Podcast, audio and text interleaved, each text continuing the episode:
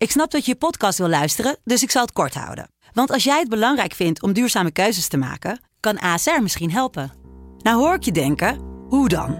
Nou, bijvoorbeeld bij het duurzaam herstellen van schade. Of de premies die we beleggen volgens ons duurzaam beleggingsbeleid. Dat bepaalt waar we wel en juist niet in investeren.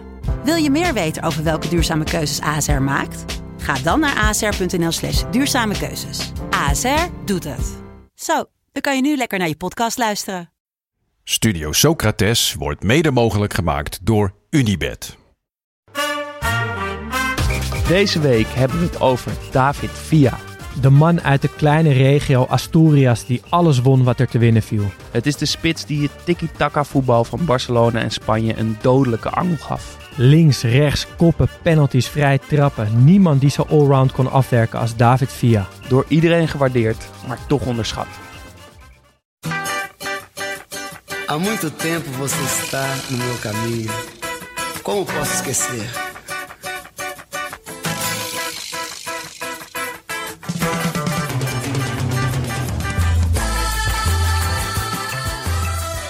Welkom bij Studio Socrates, een podcast over alles wat voetbal mooi maakt.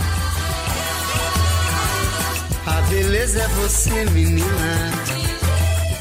Chase is on for Elliott up against Villa. Villa won that chase and goes for goal. Oh, I say he's done it! Well, I've seen it, but I don't believe it. More brilliant from Messi. Oh, he's still going. Carrick has to step in. Can't clear their lines. It's David Villa. 3-1. O sorriso que dá. Vendaval por amor. Er is er een jaren. Nee, jij moet hoera. niet zingen. Ja, maar ja, er zingt niemand. Dat zing ik zelf maar. Nee, ik durf niet te zingen. Is er wel voor je gezongen? Ja, zeker. Ja, ik ben jarig. Er is Ja, voor me gezongen. Gefeliciteerd. Ik heb net een lekkere tompoes van, eh, van, jullie, van de mannen van Afkikken en van jou gekregen. Ja, ik had er bij eh, Mart een eh, taart besteld eigenlijk.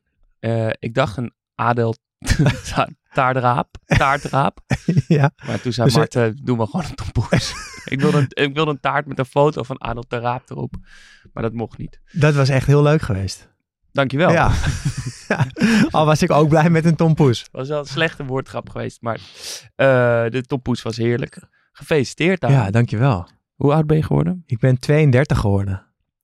Vind ik eh, best oud. Ik relateer, ik weet niet of jij dat ook nog steeds hebt, maar ik relateer het toch altijd aan voetballers. Ja, 100 procent. Dus dan kijk je nu naar een voetbalwedstrijd en dan ben je ouder dan iedereen die op het veld staat soms. Ja, en ik weet dat ik toen ik zo 18, 19 of misschien, nou ja, misschien net zo begin 20 was, Ja, dat ik dacht, ja, nu gaat het dus nooit meer gebeuren. ja precies. Nu kan het niet meer. Nu Ja. ben ik te oud. Nu breken de spelers door die jonger zijn dan ik. Zolang er nog spelers doorbreken die ouder zijn, kan je nog een soort ijdele hoop hebben. Ja, bij mij is dat, is dat eh, gevoel er nog steeds, maar dat gaat dan steeds een treetje lager, zeg maar. Oké, ik ga nu echt nooit meer bij AFC kunnen spelen. Ik ga nooit meer bij Swift kunnen spelen. Ik ga ook waarschijnlijk nooit meer bij ANVA kunnen, kunnen spelen. Gewoon het enige wat nog, wat nog overblijft is een vriendenteam. Je Is zou ook heel leuk. nu wel bij Ajax kunnen spelen. Zo. Nou goed, Ja, nou dat is Eh, een andere podcast. eh, andere podcast. In ieder geval heel erg gefeliciteerd. En wat een leuk cadeau deze eh, aflevering. Ja, Nou, eigenlijk een cadeautje van jou. Want jij mocht kiezen over wie we deze week gaan hebben. ja. Eh, David Villa gaan we het dus over hebben. Via moet je zeggen natuurlijk. En ja, vorige week hebben we het over eh, Redondo gehad. Dat was eigenlijk een hele leuke aflevering, vond ik wel. Maar we kwamen wel gezamenlijk tot de conclusie dat we beter zijn als we een speler bespreken die we in onze jeugd of in onze tienerjaren zelf hebben zien spelen. Ja. Als we er actieve herinneringen aan hebben. Als we, ja, dat er gewoon gelijk wat deurtjes open gaan. En dat was wel een harde eis voor deze week. Ehm, en waarom is het dan David Villa geworden? Want we hebben natuurlijk allemaal talloze spelers zien voetballen. En, Ja. Maar ja, David Villa willen we het over hebben. Het heeft een aantal redenen. Ehm, zoals de luisteraar weet ben ik redacteur voor Goedemorgen Eredivisie. En we hadden laatst John van het Schip aan onze tafel zitten. En, eh, toen- Leuk, mooi Johnny. ja, ja, mooi Johnny, ja. Nog steeds wel. Ja. En eh, toen kwam ik erachter dat eh, David Villa onder leiding van John van het Schip in Australië heeft gespeeld.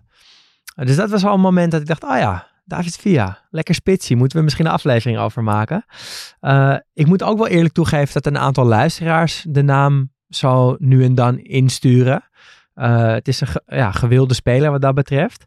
En ja, hoe meer ik erover nadacht, hoe enthousiaster ik werd. David Villa met die signature move uitkomend, een klein beetje op links, naar binnen komen en met binnenkant rechts afwerken. Lange hoek vaak. Op die glimmende eh, Adidas F50's. Ja. Die zie ik ook meteen voor me. Eh, natuurlijk die sik. Dat hele kleine, maar wel dikke sikje. Met die goede zwarte bakkenbaarden aan de zijkant. Eh, toch belangrijk voor een Socrates-speler dat het uiterlijk... eh, Ja, er is niet heel, Eigenzinnig heel, is. heel cult aan eh, David Villa, maar dat haar, dat, dat maakt hem dan nog net, dat Ja, doet hem een klein dat beetje in een sikje en die bakkenbaarden. En, ja, zeker. En ja, en kijk, hij heeft natuurlijk ook gewoon bij geweldige clubs gevoetbald in de goede tijdsperiodes. Bij Valencia in de mooie jaren, bij Barcelona toen ze de Champions League wonnen. En ja, vlak zijn rol in het ongenaakbare Spanje van nou, 2008 tot 2012 niet uit.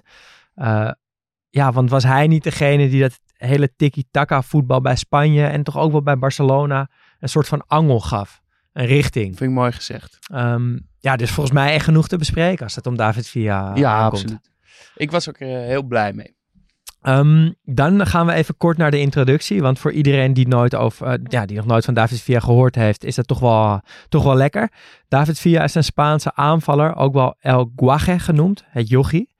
Eh, hij begon zijn profcarrière bij Sporting Gijon in de Segunda División. Na twee jaar werd hij opgepikt door Real Zaragoza. En daar begon hij met iets waar, waar hij eigenlijk nooit meer mee gestopt is, scoren. Eh, en Valencia had dat ook in de gaten en pikte hem na twee seizoenen op bij Zaragoza. In het wit en oranje van Valencia vestigde David Villa zijn naam op het wereldvoetbaltoneel.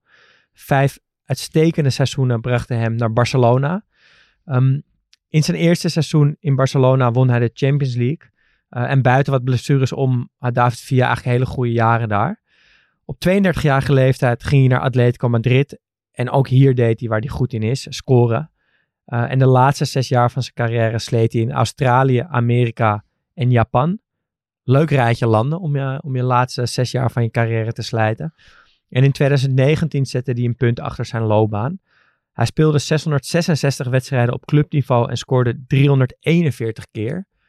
Heerlijk aantal. Bijna zo 1 op 2. Ja, en Ehm, dat doet hij dus ook bijna zijn hele carrière. Overal Ja, waar hij bijna speelt, elk seizoen zelfs gewoon. ongeveer altijd constant 1 Ja. op 2. Echt mooi. Eh, en ondertussen speelde hij ook nog 98 interlands en won hij dus het EK en het WK met Spanje. Ook daar liep hij ongeveer 1 op 2 qua doelpunten, nog iets beter zelfs. Eh, en David Villa is geboren op 3 december 1981 en is 41 jaar oud. Ja. Wat valt er nog iets op? Ehm, nou, dat hij eh, nog maar 41 is. Gewoon vroeg gestopt. Ja, Ehm, en, maar daar gaan we het later over hebben. Maar volgens mij de, is het een hele lange aanloop. En dan een piek. En dan een vrij snelle aftocht van het wereldtoernooi. ja, Hij- snel, ja hij komt heel dan. langzaam. Ja. En dan op, verdwijnt hij opeens weer. Ja. Maar goed, daar gaan we het straks nog over hebben. Ehm, ja, ik was heel blij met de keuze voor David Villa. Want ja, hij is natuurlijk wereldspits. Alles gewonnen wat er te winnen valt. Had je dat gevoel Door iedereen geroemd, ja. Maar het was toch een blinde vlek Ja. voor me. Ja, blijft een beetje ondergewaardeerd. Ehm, staat altijd een beetje op de achtergrond. Misschien ook omdat die elftallen waarin hij speelde zo vol met sterren waren. Toch? Xavi, Iniesta, Messi, Busquets. Ja, hij was daar toch een beetje de vreemde eend in de bijt. Ehm, hij verdween inderdaad ook opeens misschien weer zo. Hij was opeens weg. Dat hielp misschien ook niet. Dus ook eigenlijk het eerste waar ik aan moest denken was dat, ja, dat sikje. ja, Die ja. soort Antonio Banderas Zorro eh, sik. Ja. Ehm, Nou, als je die namen zo opnoemt, dan was hij inderdaad wel echt een ander type voetballer. ja. Eh, die niet helemaal leek te passen in die Spaanse mal in eerste instantie. Eh, maar als je daar wat beter induikt, dan lijkt hij daar eigenlijk heel goed te passen op zijn eigen manier. Eh, daar gaan we het zo over hebben. Maar het klopt wel een beetje dat hij ja, toch voor je gevoel niet in dat elftal past, maar een beetje aan de zijkant staat of zo. En ik heb dat gevoel ook wel echt. Ehm, maar dat is ook gelijk de reden waarom ik deze aflevering Ja. graag wilde maken. Omdat ik tegelijkertijd een ander stemmetje heb in mijn hoofd die zegt, ja, wacht eens even. Dat klopt niet. nee, David Villa was ontzettend goed en ontzettend belangrijk. ja, en ongeveer de enige spits die dat kon, volgens mij. Ja. In die elftallen goed presteren. Ja, Ehm, hij was volgens mij beter en belangrijker. Ja, Dan maar volgens mij is dat ook iets wat iedereen weet. Ja. Weet iedereen hoe goed hij was. Dat niemand onderschat hem echt, maar wordt toch ondergewaardeerd. Zoiets. Ja. ja, en ik denk dat zijn interland-carrière dat echt heel goed illustreert. Ehm, want ja, David Villa bij Spanje, ik kwam, ik kwam een kop tegen op internet van een oud artikel eh, met, het, ja, met, met de kop David Villa, de man zonder wie Spanje nooit wereldkampioen was geworden. 98 interlands, 59 doelpunten. Daarmee is hij topscorer aller tijden van Spanje, ruim voor Fernando Torres. Waar ik trouwens ook echt heel graag een keer een aflevering over wil maken. El Nino. Ja, en eh, ook ruim voor Raúl. Eh, maar toch, ja, je zei het net al. Het, het lijkt alsof hij die erkenning nooit helemaal heeft gekregen. De erkenning die hij wel verdient. Ehm, en dus die Interland, die, ja, dat, die wedstrijden in Spanje voor het Spaanse elftal zijn daar denk ik wel, het zijn illustratief daarvoor. Want hij ging al mee naar het WK 2006. Daar scoorde hij vier keer. Eh, was eigenlijk de belangrijkste, beste man van Spanje. Maar hij kon ook niet voorkomen dat ja, Frankrijk aan de hand van Zidane eh, ze naar huis voetbalde. En toen begon die gouden periode van het Spaanse elftal, 2008. Spanje wint het EK. David Villa wordt EK-topscorer met vier doelpunten. Eh, en twee jaar later is daar het ultieme succes, de wereldtitel. Eh, WK 2010, meteen van Casillas. Eh, we weten het allemaal. Het balletje op het achterhoofd van braafheid. Eh, maar we zijn David Villa een klein beetje vergeten. En dat is dus ook weer heel onterecht. Want van de eerste zes goals die Spanje op dat WK maakte, kwamen er vijf van de voet van David Villa. Dat was ook vijf keer het eerste doelpunt van de wedstrijd, wat in mijn ogen toch vaak het belangrijkste doelpunt is, want het breekt een wedstrijd open. Ehm, maar misschien omdat hij in de finales van 2008 en 2010 niet scoorde, zijn we hem een klein beetje vergeten. Dat zou kunnen. Ehm, maar ik denk dus dat het onterecht is. En juist in dat Spanje, juist met dat tiki-taka voetbal, juist omringd door al die hele, hele, hele goede spelers die misschien nog wel ietsje beter dan hem waren. Juist daarin was hij zo belangrijk, want hij geeft dat tiki-taka voetbal een richting. Ja, Eh, waarin het vaak ook kan verzanden in een ja. grote rondo. Ja, het, het, het krijgt opeens een eindstation. Het krijgt opeens een, ja, een dodelijk einde. Het wordt tastbaar, het wordt gevaarlijk. Er staat daar iemand te loeren die dat tiki-taka voetbal kan uitdrukken in doelpunten. En dat beeld van David Villa staat ook zo goed en scherp nog op mijn netvlies. Weet je, in zo'n ja, vloeiend elftal dat die bal van voet tot voet gaat. En dat er eigenlijk één speler niet helemaal meedoet. Eh, David Villa is een beetje uitgeweken naar de linkerkant. Vaak tussen de back en de centrale verdediger in. Hij, ja, hij aast, hij loert. Hij maakt van die loopacties dwars naar binnen toe. Wachtend op het perfecte moment dat hij kan afhaken de diepte in. Eh, ja, echt een schitterend beeld. Dat is een luipaard eigenlijk die op zijn ja, die zijn prooi in de gaten heeft, maar wacht op het juiste moment dat hij kan toeslaan. Ehm, ja, en dat beeld van David Villa geeft ook gelijk aan de importantie van hem in zo'n elftal, volgens mij. Ja, en nou, voordat we daar verder over gaan praten, nog één ding over Via bij Spanje. Ja, Is iets wat, wat even benoemd moet worden, eh, zijn band met Fernando Torres namelijk. Nou, eh, die hebben namelijk zowel op het veld als buiten het veld een hele goede band. Wat ik wel verwonderlijk vond, want vind ik heel, dat vind ik helemaal niet passen op een twee manier. spitsen, Ja, dat is natuurlijk al maar geen spitsen duo. Nee, maar dat is natuurlijk altijd een, een lastige Ja. eh, band. Je bent toch ook elkaars concurrent. Maar ze zijn ook beste vrienden. Ehm, eh, hij heeft een van zijn dochters naar de vrouw van Torres genoemd, Olaya. Ehm, Dan ben je wel echt een hele goede vriend dan ben je wel echt grote vrienden, ja. Maar eh, Torres is ook zo'n ander soort spits. Omdat, ik heb, bij Via is het altijd rustig en beredeneerd en overzicht en cool en eh, gewoon die bal in het net schieten. Ja, hij doet, hij zijn werk. Persoonlijk of zo, Ja. toch? Hij neemt het allemaal mee het veld op en dat komt daar allemaal tot uiting. En dat is soms ook woest en dan Ja. laat hij ze gaan en dan is hij gefrustreerd en dan scoort hij niet of zo. Dat, hij neemt, ja, legt zijn hele ziel in dat spel en dat heb je bij Via helemaal niet. Daarom is het nog meer een raar duo. Ehm, maar goede vrienden. Die, eh, die dochter heet dus Olaya. En wat jij net al zei, die, die glimmende Adidas Ja. F50. ja, Die, eh, die had hij altijd aan. En op die F50 stonden altijd die drie namen van zijn van zijn dochters het vlaggetje van Spanje en het vlaggetje van Asturia, de regio waar hij vandaan komt.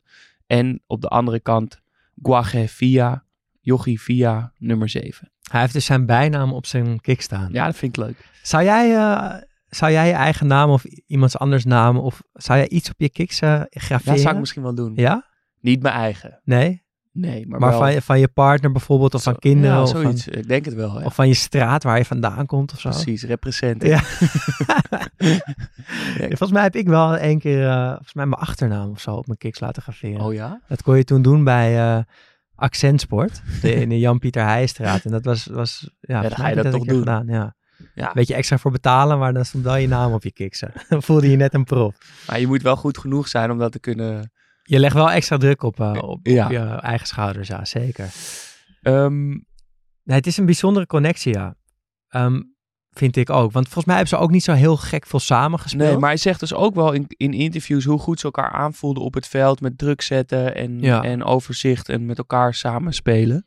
Ja, ik kan, me er, ik kan me er niet echt een voorstelling van maken, maar dat, ja, dat maakt het juist ook leuk. Dat je dan erachter komt uit Via en Torres. Het zou toch wat zijn dat die twee jarenlang als een soort van duo voorin eh, bij Spanje die boel gek hadden gemaakt. Dat zou, wel, dat zou een iconisch spitsenduo geweest zijn voor, eh, ja, voor de eeuwigheid. Wat een generatie. Ja, Maar, Maar, hoe... ehm, kijk, Via was dus de spits in, ja, in die tiki-taka elftallen. Hoe, hoe zie jij de rol van een spits in zo'n elftal? Ja, volgens mij zijn er eh, spelsystemen die het een spits bijna onmogelijk maken. Toch? Want je kan... De, dat dat tiki-taka voetbal, dat, dat vraagt een soort creatieve middenvelders met ogen in hun rug. Die ruimte zien en korte paasjes Ja. en bewegen. Maar ja, spits heb je natuurlijk gewoon... Is eigenlijk een heel direct lijntje. Gewoon van, van, je punt, van punt A naar punt B. Ja, En niet zo dynamisch als de rest. Maar in zo'n systeem wordt dat opeens wel gevraagd om mee uit te kunnen zakken. eh, mee te kunnen voetballen op het middenveld. Overtalsituaties te creëren. Tegelijkertijd ook de voorzet erin te koppen. eh, in kleine ruimtes te spelen. eh, loopacties te maken in dienst van het elftal. Maar ook de targetman zijn. Het is bijna onmogelijk. Je ziet het volgens mij nu ook bij Haaland. Ja, de beste spits aller tijden misschien wel. Heeft, moet toch ook eh, ondergeschikt zijn aan, aan het systeem van professor Guardiola. Ja, je, je kan niet maar gewoon vrijheid goals gaan maken. Je moet ook eh, meevoetballen. Ajax heeft het volgens mij ook jaren gehad dat het ja, met creatief spel een, een spits onmogelijk maakt eigenlijk. De laatste die dat volgens mij kan, kon was Kluivert ongeveer. ja daar wordt nog steeds elke spits mee vergeleken Ja. Ja, ja. ik, heb, ik, ik zie dat tiki-taka systeem, de rol van de spits, iets anders. Want ik heb, ik heb juist het gevoel dat een spits gedwongen wordt in dat systeem. In ieder geval in dat systeem van Spanje. Omdat zij dus zo goed waren eh, in dat combinatiespel. Dat die spits moest wegblijven. Om ruimtes te maken. Om, om die ruimte voor dat combinatie tiki-taka voetbal groot te houden. Eh, ze hadden Via niet per se nodig om die gigantische rondo te spelen. Dat, dat ging ook wel zonder hem. Ehm, maar dat maakt hem dus wel, wat jij zegt, mooi, ondergeschikt aan dat systeem. Eigenlijk moet dus een hele goede spits, een hele goede voetballer, als David Villa, die moet opeens een onzichtbare voetballer gaan worden. En ik kan me voorstellen dat dat best wel iets doet met, een, eh, ja, met het e- ego van een spits. Dat zijn toch vaak jongens met een groot ego, jongens die graag belangrijk willen zijn, spelers die graag in de spotlight willen, zijn, eh, willen staan, die zich niet graag opofferen. Maar in dat tiki-taka voetbal wordt, wordt dat eigenlijk wel van je gevraagd als spits. Er wordt van je gevraagd om onzichtbaar te zijn tot dat laatste moment. En ik kan me voorstellen dat dat heel erg aan je gaat knagen als spits zijnde. Maar bij Via had ik dat dus niet. Die werd daar helemaal niet klein van. Eh, die, die vulde dat in op een hele, hele goede manier. En dat vind ik zo bijzonder aan. Want hij oont die spitspositie in het tiki-taka voetbal met zoveel overtuiging. Terwijl je ook zou kunnen redeneren van ja, eigenlijk pakt zo'n systeem een groot deel van de voetballer via van ons af. Want die spitspositie ja, is gewoon, ja, die, die wordt een beetje zo ergens ver op het veld neergekwakt. Ja. En eh, straks over 15 minuten, als we 14 minuten rondo hebben gespeeld, krijg jij een balletje en dan moet je hem er even inschieten. Bijna meer als een soort keeper. Bij, de hele een wedstrijd beetje, onzichtbaar zijn, maar op het moment zelf moet je er precies. staan. Het wordt een beetje oneerbiedig. Alleen eh, hij, hij bij hem voelde dat helemaal niet zo. En kijk, Slatan is bijvoorbeeld echt ten onder gegaan aan dit gedeelte Ja. van het tiki-taka voetbal. Ja, hij was ook de, de, de opvolger van Slatan Ja. die bij Barça wordt weggestuurd omdat hij dat niet kon. Ja, precies. En Via wordt in plaats van hem gehaald en het gaat dus inderdaad dan ook eh, lopen. Ja. Maar is hij dan de ideale spits voor dit systeem? Ja, 100% David Villa? 100% Want hij, en hij kan alles.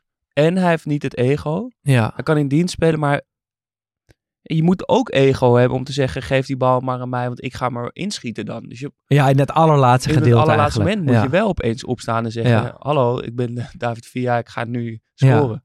Ehm, de enige die ik kon bedenken die dat ook kan, Benzema. Die ook in dienst van Ronaldo en van Real Madrid kon spelen en gewoon zijn goals kon maken. Daarna stond hij natuurlijk echt op en was hij wel de grote man. Maar hij heeft toch ook jarenlang een soort tweede viool gespeeld, terwijl hij toch ook scoorde. Ja. En dat we er dus later eigenlijk allemaal achter kwamen dat hij veel beter was dan, die, dan het spelen van die tweede viel. Dat hij Precies, veel en meer heeft kon. hij zichzelf dus ook opgeofferd. ja. Iets wat David Villa misschien in een ander elftal dus wel ook veel me- nog meer had gescoord. ja. En je ziet het ook in zijn statistieken bij Barcelona. Eh, niet bij Spanje, maar bij Barcelona wel. Dat hij juist iets minder gaat scoren, maar Ja. wel iets meer assists geeft. Ja, nou, het is wel. eh, het, het, het, het kan vertekenen dat je dus dat je David Villa wat minder in gaat schatten.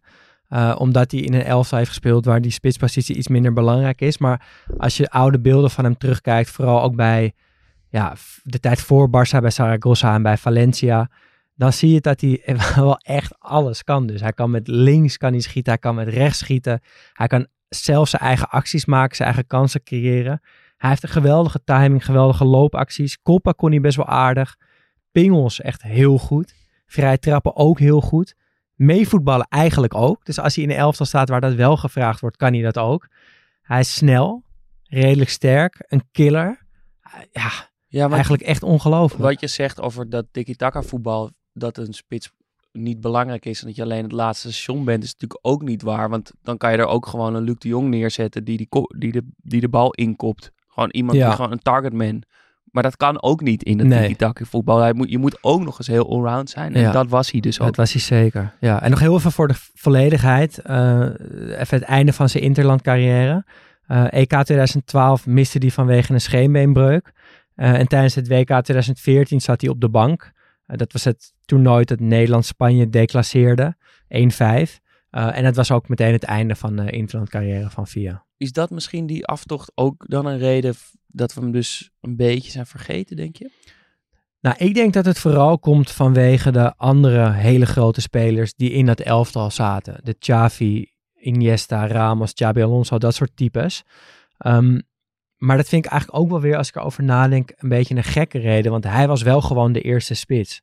Het is niet dat er een andere spits eh, altijd speelde en dat we via daarom een beetje zijn vergeten. Want hij was, hij was geen basisspeler, maar ja, hij was wel zo goed. Nee, hij was gewoon de eerste spits. Ja, maar dat is Ehm, natuurlijk ook atypisch, omdat er zoveel nadruk op dat middenveld Ja, ligt bij klopt. hun. Omdat dat zo iconisch en zo belangrijk is dat je ja, die spits Ja, vergeten we die vaak juist in andere elftallen als eerste op zou schrijven. Ja, en bij Barcelona is het natuurlijk hetzelfde verhaal. Daar heb je ook zoveel goede spelers dat je David Villa een beetje vergeet. Maar ja, dat was in En- principe gewoon hetzelfde als Spanje, maar Bijna dan met wel, Messi. Ja. Ja, ja, precies. Dat is wel waar. En maar misschien is het daarom ook wel dat ik hem het meest toch met Valencia associeer. Omdat hij daar wel de grote man was. Ja, ik denk wat, nou, dat bij Valencia, maar ik denk dat ook dus een reden is dat hij niet in dat rijtje genoemd wordt, is dat hij uit een hele kleine regio komt, Asturias, in het noorden van eh, Spanje.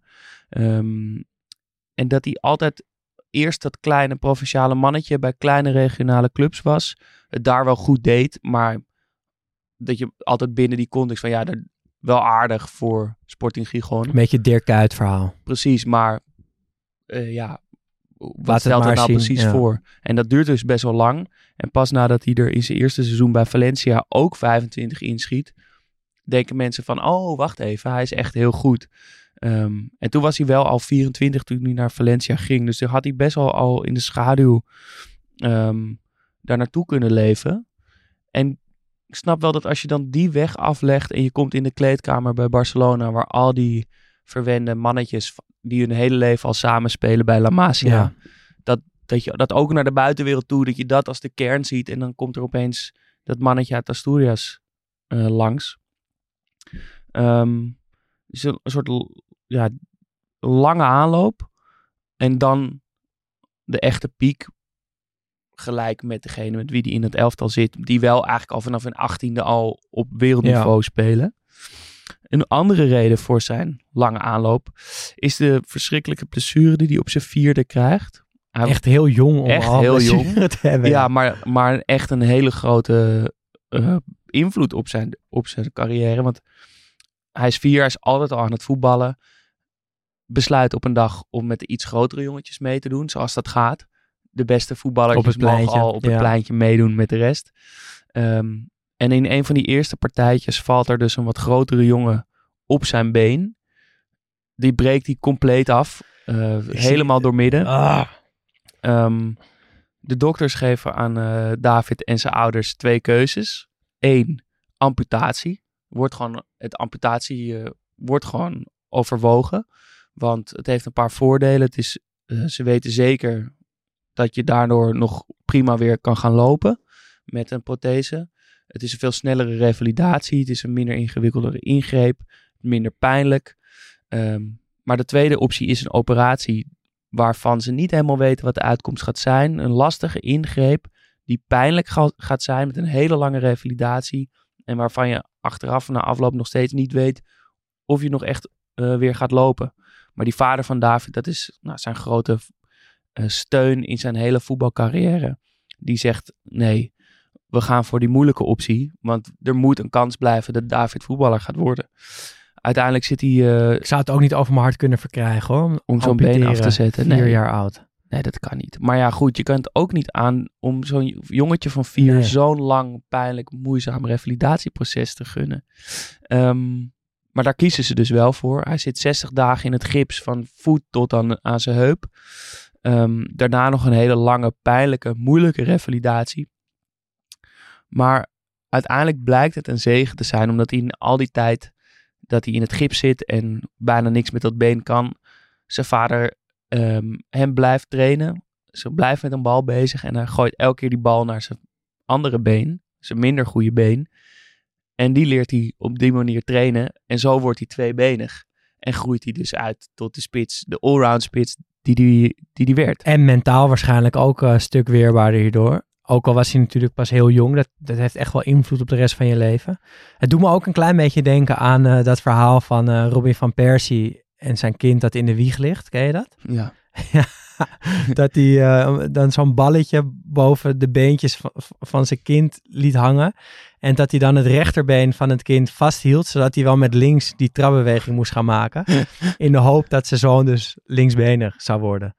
Eh, zijn zoon Shaquille is nu, weet niet of hij al een contract heeft bij Feyenoord, maar die doet het heel goed aan de jeugdopleiding. Maar ik weet eigenlijk niet of hij links of rechts is. Dus of het, of het, of het tweebenig. gelukt heeft. Of tweebenig, ja.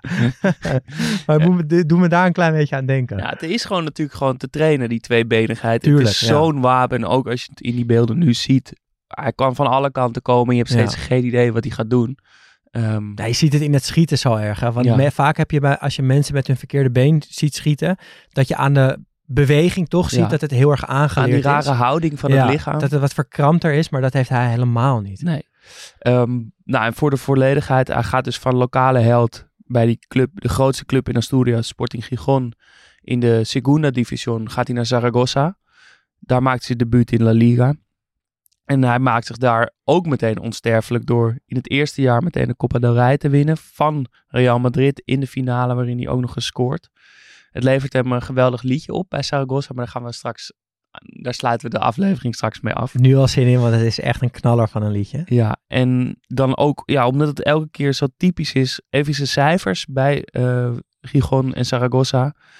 38 goals in 80 wedstrijden bij Gijon en 32 keer in 73 wedstrijden bij Zaragoza. Ja, dat komt weer gewoon Bijna, bijna, precies. bijna Je kan het eigenlijk al 1 uitrekenen. of 2. Ja. Ik vind dat eh, voor. Kijk, nu zijn we zijn inmiddels natuurlijk een beetje gewend aan de aantallen van Haaland die gewoon één op één loopt. En dat vinden we allemaal maar normaal. Maar als je als spits je hele carrière, oh, dus ook weet je, bij mindere clubs en dat einde nog in, in eh, als hij wat ouder is in Japan en Amerika en Australië, als je dan één op twee volhoudt, Het is Ja. echt eh, een razend knap gemiddelde. Ja, en dat is. Zeg maar, hij, hij doet het dus ook op een rainy night in Stoke. Ja. En hij doet het in finales. En dat maakt hem ook weer. Ook dat draagt weer bij aan die veelzijdigheid. Bij grote clubs, bij kleine clubs, met belangrijke momenten, Ja. geen belangrijke momenten. Eh, ja, met al die dingen wat je opnoemt met links, met rechts, van de, van de linkerkant, van de, van de buitenkant, van de rechterkant. Vanuit het midden, vanuit een actie met zijn hoofd afmaken. Altijd op een goede plek. Ik weet het, Maar wat is een handtekening Ja, dan? dat hè? is Dat dus ga je een beetje. af- dat, dat wordt een beetje de vraag. Want ja, dat is dat. En het is lastig, want hij kan inderdaad praktisch alles.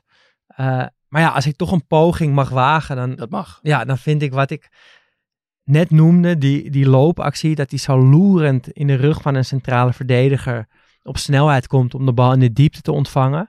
Eh, ja, dat, dat vind ik, dat is voor mij echt David Villa. Ehm, maar dat is niet alles. Ik vind dat er nog, ja, nog een soort handtekeningetje is van hem. En dat is ja, dan vaak het vervolg op deze loopactie. Het afwerken met binnenkant voet. Ehm, ja, vroeger met, met, met PES en later natuurlijk ook met FIFA R2 schieten. Gewoon het geplaatste schot. Eh, Jij lijkt me hoek. inderdaad zo'n speler die dat altijd gebruikt. Inderdaad. Niet te houden. Iedereen, ja, gaat hij weer met zijn R2 schieten. Ja, en je had- Irritant.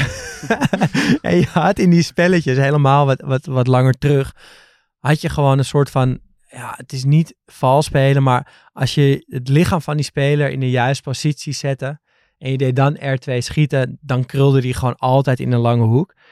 En nu ik al die beelden van David... Zo irritant. Ja, ja, maar als ik al die beelden van David Villa nu zo op een rijtje zet, dan lijkt het bijna wel alsof ze David Villa hebben gebruikt voor, voor, dat, eh, ja, voor dat schot in die game. Want hij, dat is precies hoe hij afwerkt. Hij draait zijn lichaam iets in een ja, schuine positie. En dan is het gewoon genadeloos met binnenkant voet in die lange hoek afwerken. Ehm, en hij heeft daar ook zo weinig ruimte voor nodig. Eh, tuurlijk, met een 1 op 1 heb je vaak best wel wat ruimte.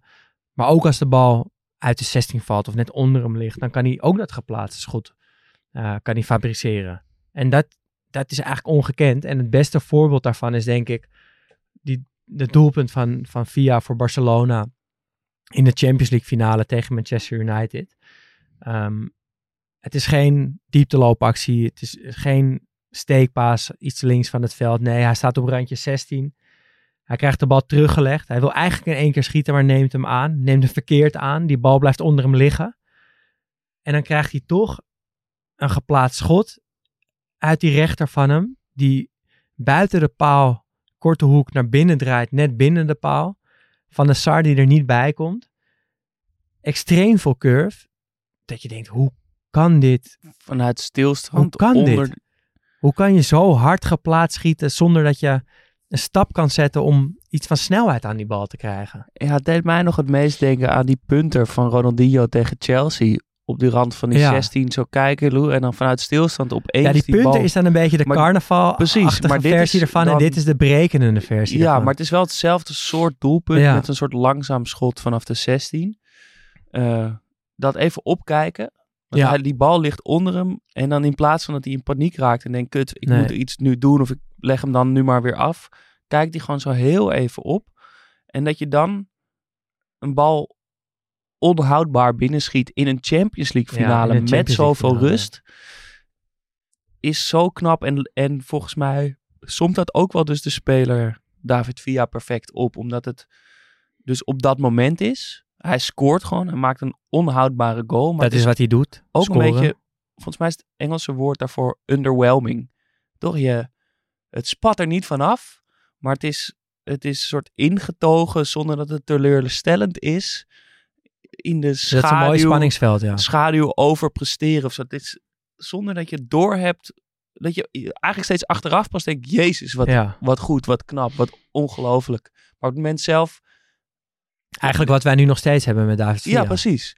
Maar als je dat de rest van je carrière altijd doet en dat je misschien wel je hele carrière opsomt, is het misschien, ja, dan is het een hele grote kwaliteit juist. Ja. Nou, ik denk dat we dat misschien wel met het, met het afwerkaspect van zijn carrière, dat we dat ook hebben.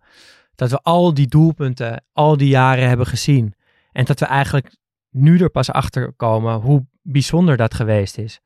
Uh, en misschien is dat dan zijn handtekening wel gewoon. Het soort van het afwerken in de breedste zin ja, van het woord. Want kijk, hij, werkt af, uh, vind ik, alsof zijn leven ervan afhangt, maar op een rustige manier. Want je hebt wel spitsen die, waarvan men zegt, die leven voor doelpunten. En dat vind ik altijd, en ja, dan vind ik eigenlijk altijd een disqualificatie voor een spits. Want dat, ik interpreteer het altijd, oké, dus voor de rest kan je dus niet voetballen. En als je 5-0 verliest, maar je scoort één doelpunt, dan is het oké. Okay. Dat had David, 5-1 verlies. Ja, sorry. maar, maar, dat had David Villa niet. Nee. Uh, maar hij werkt wel af alsof zijn leven ervan afhangt, vind ik. Zo overtuigend, zo functioneel, zo veelzijdig, zo logisch. Ja. Uh, hij, ja, er zit geen centimeter ruimte om die bal te missen. Als, je, hem, als je hem aan ziet maar leggen. kan jij, kan jij nu, of wist je voordat je aan deze uh, aflevering begon, kon je, had jij één doelpunt van een specifiek doelpunt van hem voor ogen? Nee. Ja, ik kende dit doelpunt in de Champions League. Kende ja, maar het is niet wel, dat je dan maar denkt, oh, je- oh, daar zie je, oh, die goal. Nee, Of maar je denkt dus wel aan een soort goal. Ja, maar ja, ik had dat zelf ook niet eens. Maar ik vind dat leven ervan afhangen, dat zie je inderdaad wel. Maar het is heel anders dan zo'n soort Heel, heel anders dan Suarez bijvoorbeeld die, of Suarez. die of, ja. overal doorheen beukt om Klopt. soort, dat doelpuntenbeest. Maar ik denk omdat je... Ja, hij heeft niet zo'n soort haakje waar je hem aan kan hangen, toch? Luc de Jong kan goed koppen. Neymar doet trucjes. Nee, maar ik bedoel... dat het- soort ja. dingen, dat heeft hij. Dus het, het, het glijdt er ook weer een beetje vanaf. En daardoor blijft het een beetje Nee, afstandelijk maar... Ja, doeltjes. ja. Ook omdat hij in dat afwerken zoveel rust lijkt. Hij, hij lijkt altijd tijd te hebben om nog te bedenken wat hij gaat doen.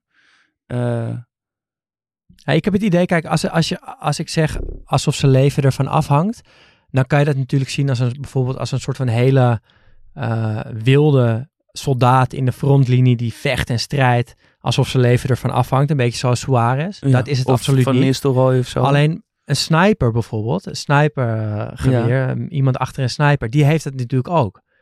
Die is ook aan het vechten alsof zijn leven ervan Ja. afhangt. Alleen op een hele die ligt de hele dag berekenen- op de grond. ja, maar op een berekenende manier. Maar er, is geen soort van, er, er past geen vloedje tussen. Het moet allemaal heel precies zijn. Ja. En dat doet hij gewoon. En dat lijkt heel makkelijk, maar dat is heel knap. Ja, maar er blijft een soort gekke paradox. Want inderdaad, wat je zegt, ben ik het helemaal mee eens dat hij niet een spits is. Dat hij, als hij niet scoort bij een 4-0 overwinning, alsnog zijn schoenen door de kleedkamer gooit. Nee. Wat volgens mij zo'n Van Nistelrooy wel deed. Zeker. Ehm, maar dat hij dat niet heeft en toch zoveel scoort. Toch, hij, Dat is een Hij- rare paradox. ja, hij, is, hij lijkt niet zo'n hongerig beest. Maar zijn statistieken zeggen dan weer, weer heel iets anders. Maar het, het lijkt wel. Want, hij, hij, ge- want hij, hij geeft ook nog eens ruimte aan zijn medespelers. Hij legt die bal ook nog af. Er is altijd overzicht, er is altijd rust. Hij lijkt die bal te krijgen in één, op één situatie. En dan dus nog in al die rust te kunnen bedenken. Wat is de beste optie? Moet ik hem afleggen? Nee, ik ga toch zelf. Ga ik er dan omheen? Schiet ik hem in de korte? Die gedachten lijken er nog allemaal te zijn. Maar dat, het klopt eigenlijk. Je kan niet, hij kan niet en de voorzet geven en hem inkoppen. Maar dat, dat lijkt bijna. Die paradox Ja, dat lijkt hij hem. bijna wel te kunnen, ja. Ja, het is moeilijk om te bedenken dat iemand die zoveel doelpunten heeft gemaakt in zijn carrière, dat dat dan niet per se voelt als zijn prime business of zo. Ja, Dat hij nog veel meer kon dan dat. Terwijl dat uiteindelijk puur Ja. was wie die was natuurlijk. Ja. Ja, en als je dan kijkt naar die, nog even terug naar, die doel, naar de doelpunt in de Champions League finale, was dat dan zijn hoogtepunt in zijn carrière? Ik denk het wel, want het is nou, misschien in die finale of in dat seizoen in ieder geval is Ja. dat de kroon. En ik denk dat in dat seizoen voor hem alles samenkomt. En die Champions League finale is daar de kers op de taart van. Ook omdat hij scoort. Maar eigenlijk het hele tekenen bij Barcelona, dat doet hij uiteindelijk in 2010. ehm, is al een hoogtepunt. Hij treedt daarmee namelijk in de voetstappen van zijn grote voorbeelden. Twee spelers die ook allebei uit Asturias komen. Luis Enrique, nou die kennen we. En Queenie. Die kennen we Ehm, niet. Die kennen we niet. Maar wel allebei bij Sporting Gijon begonnen. Bij Barcelona furoren gemaakt. Ehm, en even over die Queenie. Ik ken hem niet. Een spits die in de jaren 70 en 80 ongelooflijk veel scoorde in Spanje. Werd zeven keer Pichichi. En staat nog steeds negen in de lijst van eh, goals in de La Liga. David Villa trouwens twaalfde. Queenie maakte er 219, Davia 186 uiteindelijk. Maar het verhaal waar we het heel even kort zijpaadje moeten nemen, voor Altijd leuk. terugkomen, is dat Queenie ooit ontvoerd werd na een wedstrijd in Camp Nou. 6-0 gewonnen, of 5-0 gewonnen van Hercules. Queenie scoort twee keer en na afloop loopt hij het stadion uit en wordt hij door twee mannen met pistolen een busje ingeduwd. Ehm, het had waarschijnlijk ook een soort politiek motief, want er was een onafhankelijkheidsstrijd van Catalunya. En die moesten, Barcelona moest tegen Madrid, wat natuurlijk staat voor de grote Spaanse overheerser. Ehm, er volgde een maand met heel veel onzekerheid, spanning, onderhandelingen. En uiteindelijk werd er ehm, losgeld betaald aan de ontvoerders. En Queenie komt na een, een maand vrij. Waarschijnlijk leed hij aan het Stockholm-syndroom, want hij heeft nooit een aanklacht tegen ze ingeduwd, ingediend. Dat is Ehm, dat je sympathie krijgt voor je ja. ontvoerders. Of, Ja, precies. De Stockholm-syndroom is dus blijkbaar iets dat als je ooit ontvoerd wordt, dat je snel een soort sympathie krijgt voor degene die dat doen, omdat je hun verhaal hoort. ja. Ehm, hij zei dat hij ook altijd goed behandeld is geweest gedurende die maand. Ik zag wel foto's van dat is een vrijlating. Dan ziet hij, is hij echt, lijkt hij helemaal gesloopt. Valt hij huilend eh, de politie in, zijn, in de armen. Maar dat is waarschijnlijk ook gewoon mentaal helemaal uitgeput. Barcelona is dat seizoen titelkandidaat. Ehm, ze winnen met Queenie bijna alles. Alleen hij wordt ontvoerd en het zakt natuurlijk helemaal in elkaar. Ja. Bernd Schuster zegt ook, ja jongens, zo eh, kan ik niet voetballen. Ze verliezen alles eigenlijk in zijn afwezigheid. Maar al twee of drie da- eh, weken na zijn vrijlating staat hij gewoon weer op het veld. Krijgt natuurlijk staande ovatie in Camp Nou en scoort meteen in zijn eerste Zo, dat moet een moment geweest zijn, hè? Precies. Geweldig. En dat is dus de grote held uit Asturias ehm, van David Villa. Hij, Ehm, hij stijgt weer een paar treetjes in mijn achter. Ja, hè, dat Ja. is toch ook een beetje. Ik bedoel, hij blijft zijn hele leven natuurlijk heel erg iemand uit Asturias ook. En vandaar die Queenie. Maar het is toch ook wel een mooi verhaal. Ehm, maar goed, terug naar 2010, naar dat hoogtepunt. Drie dagen na het sluiten van de transfermarkt van het seizoen erop wordt hij al gehaald. De voorhoede komt te bestaan uit Via, Messi en Pedro. En de rest van het team kunnen natuurlijk ook ja, dromen. Xavi, Iniesta, Busquets op het middenveld. Ehm, achterin Abidal, Mascherano, Puyol en Dani Alves. Ze worden eerst in La Liga, winnen de Supercup, worden ja, net tweede in de Copa. Dat is toch jammer, anders toch ook die treble.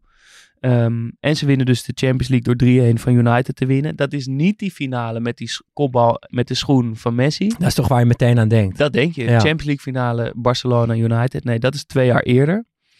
Ehm, dit is de wedstrijd waarin alle drie die aanvallers scoren. Messi, Pedro en Villa. Pedro, de man die er gewoon eh, altijd al uitzag als een opa. Vind je van niet? Zo'n Spaanse opaatje? Met. Met het haar zo naar achter. Ja, ik snap wat Ja. je bedoelt. Nooit veranderd ook nee, in ieder precies. geval. Die blijft gewoon altijd er zo uitzien. Ehm, maar ja, dit, dit elftal is volgens mij wel het elftal waarin het echt Ja. allemaal klopt. Die, die basis die, die Rijkaard heeft gelegd met die waanzinnige elftallen, ehm, komt volgens mij hier onder Guardiola echt, echt tot, tot bloei. Zlatan en Henry zijn dus weg. Die toch ook misschien, nou zeker Zlatan een stoorzender was. En nu klopt het helemaal. Ferguson noemt dit team uiteindelijk ook de allersterkste team waar hij ooit tegen heeft gespeeld. Nou, dat zijn natuurlijk heel wat teams. Ja, en hij, hij scoort meteen 23 goals, 52 wedstrijden, wint alles wat er te winnen valt. Alles komt samen. Hij is de perfecte spits voor dit, eh voor dit Weer eh, ongeveer dat gemiddelde van 1 of 2. ja, nou, ja, we blijven Ja. het zeggen. Ja, nee, ik denk dat je gelijk hebt. Dat dit, eh, dat dit het moment is waar Via misschien wel zijn beste voetbal speelt. In ieder geval in het beste elftal. Ehm, maar kijk, voor mij hoort Via toch gewoon bij Valencia. Eh, dat wit-oranje shirt met nummer 7 op de rug. Waar die wel echt gewoon de belangrijkste man van de ploeg was. Wel met schitterende andere voetballers om zich heen ook. Ik- Ja, ik wil er toch even een paar noemen. Joaquin, David Silva, eh Baraja, Juan Mata, Vicente. Jouw mannetje Santiago Canizares, de keeper Ja, ja. natuurlijk. Eh, Banega, Pablo Aymar ook nog. Eh, en 60 wedstrijden samen met Maduro, zag ik. Eh, die heeft er toch ook wel hele mooie jaren gehad. Maar dat Valencia en Via, dat paste zo ontzettend goed. En ik had ook het idee dat hij net zo lief zijn hele carrière bij Valencia had gespeeld. Ja, en dat blijkt dus ook te kloppen. Want ik kwam een artikeltje tegen dat, uh, dat hij heeft gezegd dat, dat hij toen de tijd alleen wegging bij Valencia. Eigenlijk om de club te helpen. En ja, ze zaten in zwaar weer. Financieel hadden ze het moeilijk. Valencia had geld nodig. Via was veel geld waard. Nou, 1 in 1 is 2. Uh, 40 miljoen voor Via. Via naar Barcelona. Uh, Valencia uit het zware financiële weer. Um, en ik heb me even helemaal ondergedompeld in die tijd van Valencia. Uh, en dat heb Heerlijk. Ik, ja, en dat heb ik gedaan met, ben ik achtergekomen, toch wel een van mijn favoriete soort compilatiefilmpjes. Uh, compilatiefilmpjes spelen natuurlijk een grote rol in, in onze podcast. In ons leven. Uh, in ons leven. We hebben er echt ontelbare gezien. maar compilatiefilmpjes met alle goals van een speler bij een club. Het liefst op chronologische volgorde. Ja, op chronologische volgorde. Het vind liefst ik ook echt met, geweldig. met titeltjes erbij. Ja. De datum en de tegenstander. Uit of thuis, tegen wie, datum en dan één.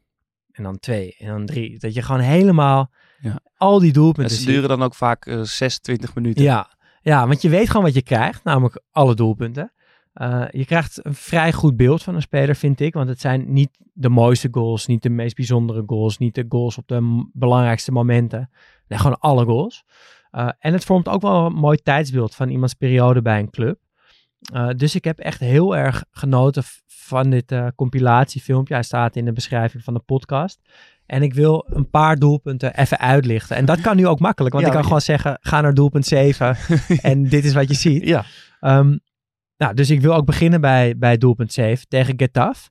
Ik denk dat dit het doelpunt is waar je ja, ziet wat voor een slimme spits het is. Want de bal is aan de linkerkant. En Via maakt, is toch ook echt een van mijn lievelingsloopacties. Komt een voorzet aan. Via doet alsof hij naar de eerste paal gaat. Die ziet dat zijn tegenstander reageert. Door ook naar de eerste paal te rennen. Dan houdt hij in. En snijdt hij achter zijn rug eigenlijk naar de tweede paal. En daar krijgt hij de bal en kan hij hem zo inkoppen. Daar zie je, vind ik echt het gochma wat hij heeft.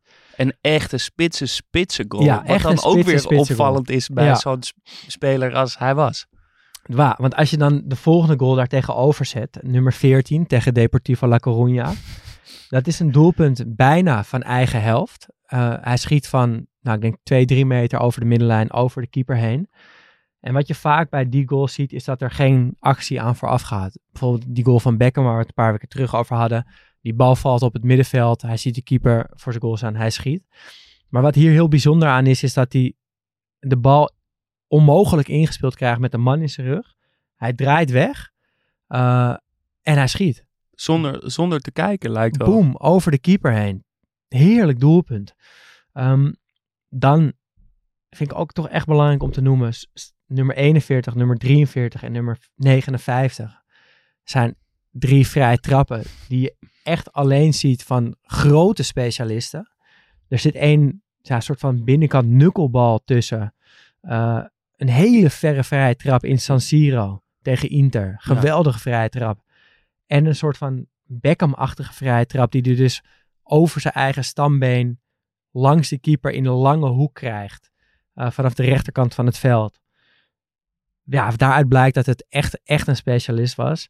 Nou, er zitten natuurlijk heel veel doelpunten in waar die gewoon zakelijk en goed afwerkt. Binnenkant voet, nummer 93 is daar een goed voorbeeld van. En er zit een hele mooie hattrick in tegen Werder Bremen. Dat zijn ook bijna zijn laatste doelpunten voor de club. 124, 125 en 126. en drie keer zo overtuigend afgemaakt. Bij een hattrick zit er vaak ook wel een intikker bij. Ja. Of, of, een beetje een frommelgoaltje. En een penalty. Drie keer zulke overtuigende doelpunten. Uh, ja, dat als, ik, als je een beeld wil hebben van David Villa als spits, dan raad ik echt aan om dit filmpje te kijken. Ik wil er, er één uitlichten, maar ik weet even niet welk nummer die in het filmpje is. Maar als je de goal gewoon uh, via goal Getafe intoet, dan ja. krijg je hem. Wordt op het middenveld wordt die bal veroverd. David Silva, notabene, krijgt die bal. Hij start weer eens zo heel typisch helemaal aan de linkerkant. Moet dus achter een verdediger buitenom naar binnen snijden. Ja. Volle snelheid. Die bal komt precies op het juiste moment tussen twee verdedigers door. Hij krijgt hem op brand 16. Dat lichaam draait open. En zonder hem aan te nemen in één keer, terwijl hij zo op volle snelheid is, gaat die bal zo mooi, subtiel, ja. met binnenkant voet over die uitkomende keeper heen. En dan is het zo typisch bij hem dat het dan, het klopt zo goed. Ja, Want het is precies hoe die bal moet zijn voor de, degene die daar een soort, je hebt van die mensen die daar heel specifieke eisen aan stellen aan zo'n bal, ja, toch? Ja, Ik weet dat Wietse van de Groot ook een keer het over doelnetten had, hoe ze moeten hangen. Dan Ja. heb je volgens mij met, met zulke soort ballen heb je ook, die moeten precies op het juiste moment stuiteren. Die bal moet niet te hoog. Hij moet ook niet te strak over de keeper. Maar Nee. hij, het perfecte boogje maken met een goede snelheid. Hij raakt hem een beetje backspin, waardoor hij dus naar achteren draait, maar ook een beetje naar links draait. Dat hij, hij, hij komt dus ook nog eens een beetje naar binnen toe. Het is precies hoe het moet. En dat is in al die goals. Het is nooit te hard, maar het is ook nooit zacht, lucky, gefrommeld. Het is altijd precies wat het moet zijn. Ik heb het idee dat dat de kern van David Villa en zijn afwerken is. Dat het telkens is precies zoals het moet zijn. Dat als jij die goal eh, op pauze zet, vlak voordat hij gaat schieten, en je trekt gewoon een lijn met Ja. je potlood, hoe, die, hoe jij vindt dat die op de perfecte manier afgewerkt wordt, dat doet hij. Ja, als hij hem dan, als hij hem in de verre hoek schuift, is hij altijd zo net, niet binnenkant paal, maar Nee, net, naast net, de ja. paal in het netje. Ja. Maar wel precies dat punt. Ja. En hij krult precies genoeg naar binnen. Al die ballen zijn altijd net dat boogje hoe je het wil inderdaad. Met een wiskundige precisie eh, werkt hij af. Maar ik, was, ik ben het voor de rest ook helemaal met je eens dat die, ehm, die chronologische doelpunten, alle doelpunten van een club, dat zijn heerlijke filmpjes. Ik heb meteen ook die van Barcelona gekeken. Ja. Dat lijkt me ook wel gewoon een, een compilatie van gewoon alle doelpunten van Barcelona. Want alles komt weer voorbij. Ja. Het is weer dat hele scala aan soort doelpunten. Wat kan met dribbels, met lopjes, met voor de man komen naar de eerste paal toe. Met de tweede paal op het goede, ook in een rommel precies op het goede eh, plek staan, op het goede moment. Eh, en ook in het juichen. eh, ook een soort rust. Heel soms ontploft hij. Heel soms. Ja. Als hij, hij scoort een keer in de Classico een heerlijke bal. Ook rand 16 over de keeper heen, maar dan wat strakker. Ja, maar ook hele heel mooie goal. mooi. Ja. Eh, en dan juicht hij echt de longen uit zijn lijf. Maar voor de rest is het meestal een beetje zo achterom kijken, glimlachend Ja. van eh, ja, lekker doelpuntje, hè? Maar hij juicht wel genoeg eh, Ja, voor ja. de fan, zeg maar. Ja, hij, het is niet dat hij stilvalt, Nee. maar het is niet dat hij nou echt alles bij elkaar schreeuwt omdat hij eindelijk scoort of zo. Nee. ik dacht ehm, dat hij wel een, ook daarmee een echte voetballersvoetballer is. Als die al bestaan. Want je hebt de, Die bestaan. Ja toch? Ja. Want je hebt, het wordt wel vaak over muzikanten of comedians volgens mij gezegd. eh, die bij het groot publiek wel bekend zijn, maar vooral onder vakgenoten heel erg. Het eh, kan ook wel iets heel worden irritants hebben. kan iets irritants Ja. hebben inderdaad. Ehm, maar pas dat je als je zelf speelt snapt hoe belangrijk of hoe, hoe Ja. knap het is. En in een soort kleine details heel veel complexiteit zit. Maar ogenschijnlijk allemaal heel simpel oogt. Ehm, en hij lijkt mij dan echt een bij uitstek zo'n voetballersvoetballer. Eh, vooral denk ik als je samen met hem speelt. Dat je dan echt waardeert Ja. wat voor een speler die was. En dat zie je ook wel bij, bij teamgenoten of coaches. Of dat die zeggen, ja, die hebben allemaal waardering voor hem. Ik ben het hier helemaal mee eens. En volgens mij, wat bij VIA dan ook nog heel belangrijk is, en wat überhaupt denk ik belangrijk is om een voetballersvoetballer te kunnen zijn, is het ontbreken van een groot ego. Ja. Ehm, en VIA is volgens mij helemaal niet op zoek naar erkenning van het grote pu- publiek. Hij, hij doet wat hij denkt dat goed is. Eh, en hij doet dat gewoon zo goed mogelijk. Ja, misschien heeft zo'n blessure op jonge leeftijd daar ook al mee te maken. Dat hij al lang blij is dat hij profvoetballer is. Of Ja. zo. Dat je niet ook nog eens, als je altijd al een, als je een, van die wereldtalenten bent, dan moet je je daarbinnen ook nog eens Ja. be- eh, bewijzen. En ik denk dat hij toch ook al genoeg waarde ziet in, in, eh, content is met ja. dat hij dat gewoon heeft gehaald. Een beetje hetzelfde verhaal als toen met Drogba, die Ja, eigenlijk eerst al allemaal dingen is overkomen en dan op het hoogste niveau eigenlijk kan ontspannen. Ja. Omdat hij het dan al heeft gemaakt. maar in die simpelheid die, die daar een beetje van afstraalt, zit heel veel schoonheid, vind ik. En heel veel klasse en, ja, en dus ook heel veel kwaliteit. Dus ik denk zeker dat via een voetballersvoetballer Wie, eh, wie zou jij zeggen dat nog meer voetballers voetballers zijn? Ja, natuurlijk. Moussa Dembele, dat is Ja, daar wat, wat je altijd hoort. Dus die moeten we even noemen.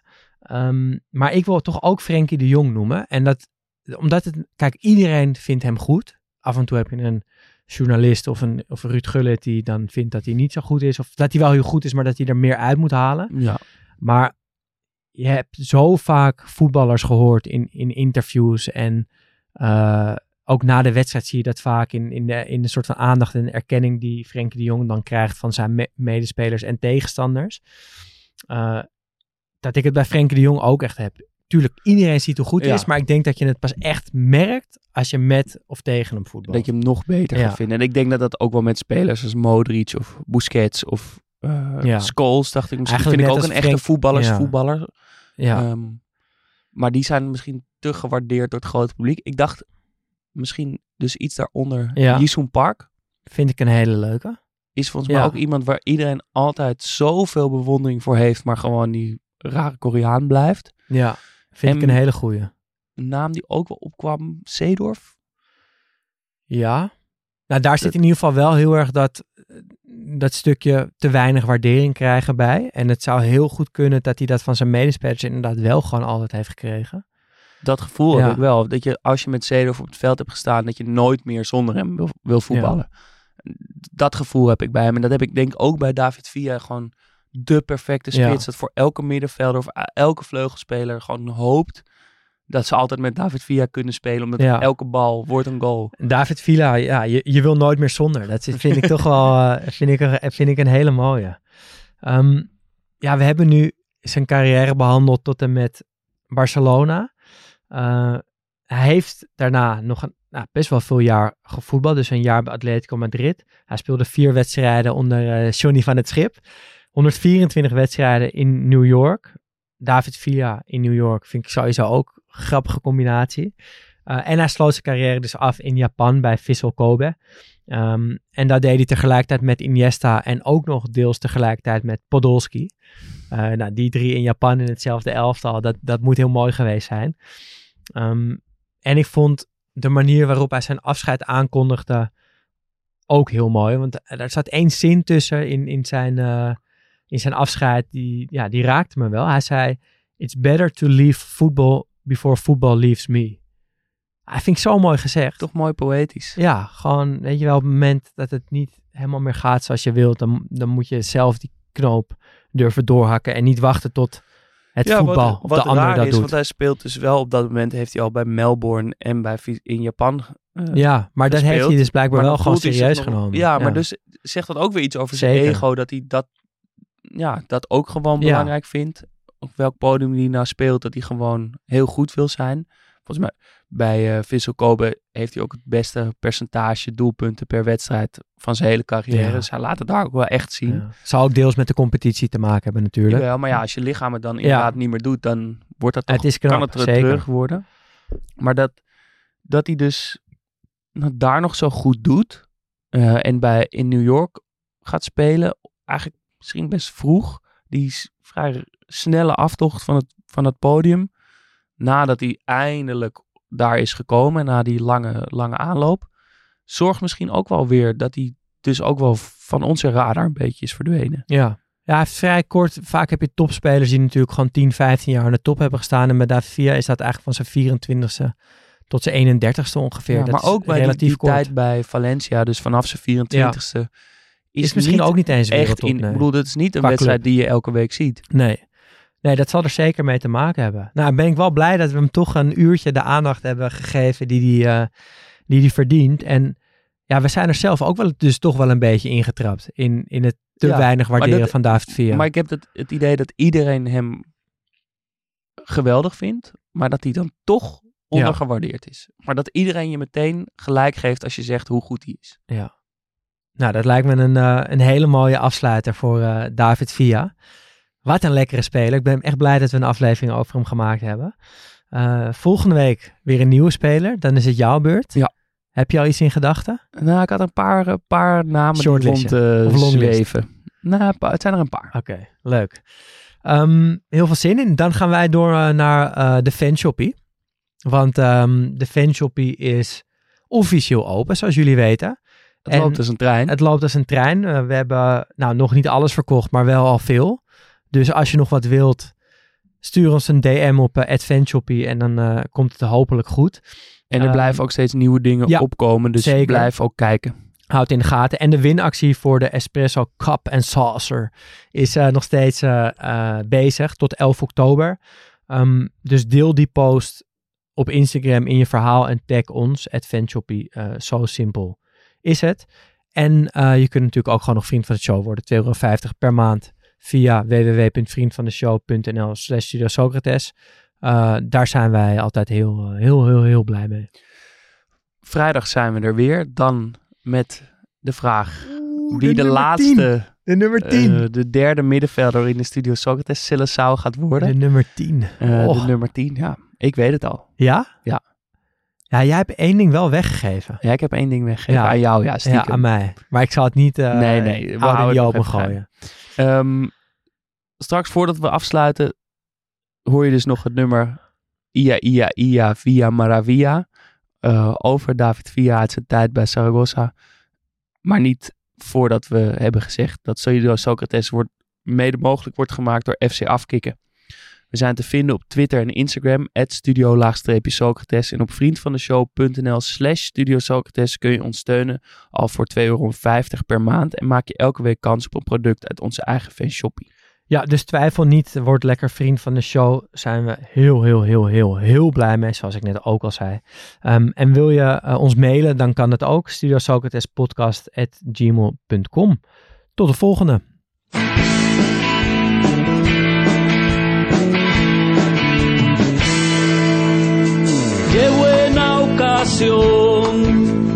Vamos a recordar a este rinconín de la cuenca minera y un valle zarrao de antiguo esplendor que quiere resistir contra viento y marea.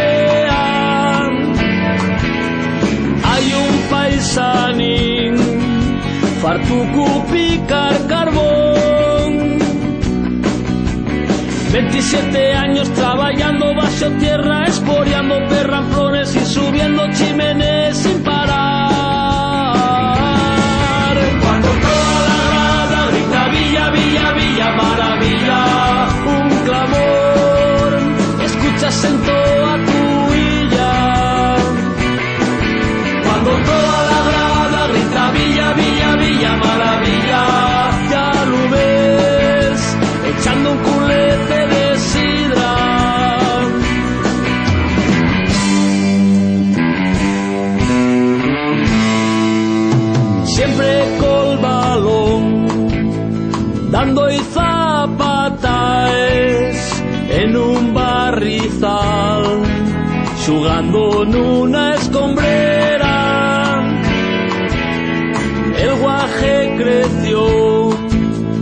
duro y peleón y vació los pies, no tiene nada más que la tierra.